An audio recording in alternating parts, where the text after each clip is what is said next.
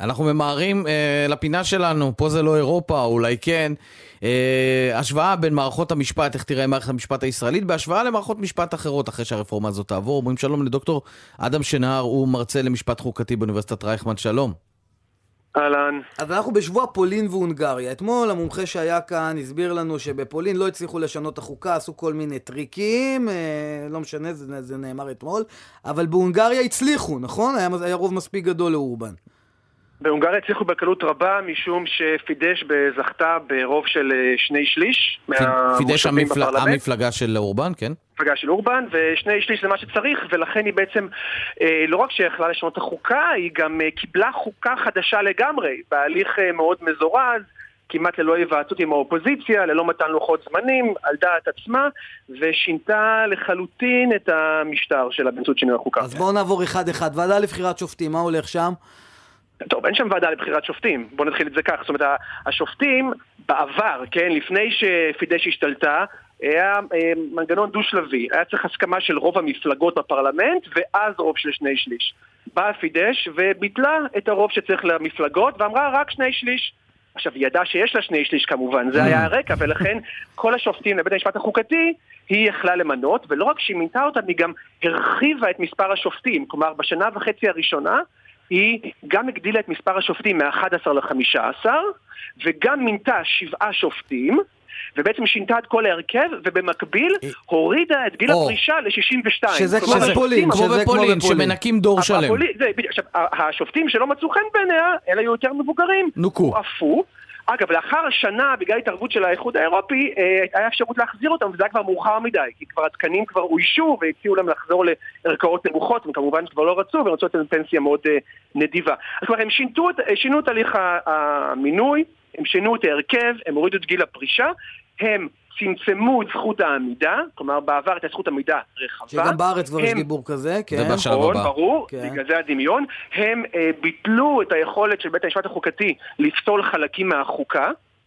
זה גם ההצעה של יריב לוין אומרת. שזה לגבי חוק יסוד כבוד האדם וחירותו וכו'. בדיוק, כלומר הם לא יכולים לפסול חוקים, הם לא יכולים לפסול חוקים, למרות שכבר, כמו שאתה אומר, כמו שאתה אומר, כבר פחות ופחות ירצו מכיוון שההרכב השתנה, וגם אם היו רוצים, יש להם פחות יכולת לפסול חוקים על פי החוקה. אז מה שקורה עכשיו, שבגלל שכל כך קל לתקן את החוקה, כי לפי דש יש רוב, ובגלל שהיא מחסנת עצמה מפני פסילה של חלקים מהחוקה, כל דבר בעייתי היא פשוט תכניס לחוקה. היא יכולה לעשות את זה באותה קלות, אגב כמו בישראל, שאפשר לחוקק חוק יסוד באותו אופן, מקרי. אפילו יותר קל מהונגריה, כי אפילו, כן. כי בישראל לא צריך שני שליש. עכשיו, אה, עכשיו רגע, עכשיו מבחינת ביקורת שיפוטית של המערכת מה, המשפטית... גם אני חשבתי, מה הטעם לשאול על עילת סבירות, אם כל השופטים הם שופטים איתם, אז כאילו הכל יהיה סביר בעיניהם. זה בדיוק העניין, זה, זה בדיוק עתודת הביטוח. השופטים הם אכן שופטים איתם רובם, אבל עדיין, בסופו של דבר, אתה יודע, יכול להיות שיתפלק עליהם איזה משהו ביקורתי נגד נכון. השלטון. אז כדי לוודא בכל זאת, כדי לחסות את עצמך מכל הכיוונים, אתה משנה גם את המינויים וגם את המספר וגם את הגיל וגם את הסמכות. כדי, כדי שלא יהיה שום מצב שבו בית המשפט יהיה לעומתי אה, לשלטון. אבל רגע, דוקטור שנר, אני מנסה להבין, יש ביקורת אה, שיפוטית על החלטות מנהליות של הממשלה בהונגריה? פורמלית כן, לפחות. יש, יש ביקורת, כמובן, יש. אוקיי, אז עכשיו אני רוצה לשאול אותך שאלה, שאלה כללית כן. יותר. כשאתה בוחן עכשיו את מה שקורה בהונגריה, יש איזה סיכוי, איזשהו סיכוי למדינה הזאת להחזיר את הגלגל לאחור ומתישהו לחזור להיות דמוקרטיה? אז קודם כל, כמו שאמרת, הונגריה כבר לא נחשבת דמוקרטיה. אף אחד לא חושב uh, שהונגריה היא דמוקרטיה, לא הפרלמנט האירופי, לא Freedom House, לא אף אחד ממכוני הדירוג, זה נחשב כאוטוקרטיה, קליפה רכה של משטר שבו אורבן שולט. האם יש סיכוי? תראה, הבעיה היא כזאת. הבעיה היא שכשאורבן בשלטון, הוא גם שינה את דיני הבחירות. הוא הנדס את מחוזות הבחירה כך שלפי דש יהיה רוב בפרלמנט הרבה יותר גדול מהרוב שלה בעם. בבחירות האחרונות ב-2022, אה, פידש זכתה פחות או יותר ב-53%, משהו כזה מהקולות, אבל זה תורגם לניצחון של 86 עוד הפעם, עוד הפעם, כמה תחזור? 53 אחוז. רוב העם, מה שנקרא. בזה, אבל זה תורגם ל-135 אה, מושבים בפרלמנט.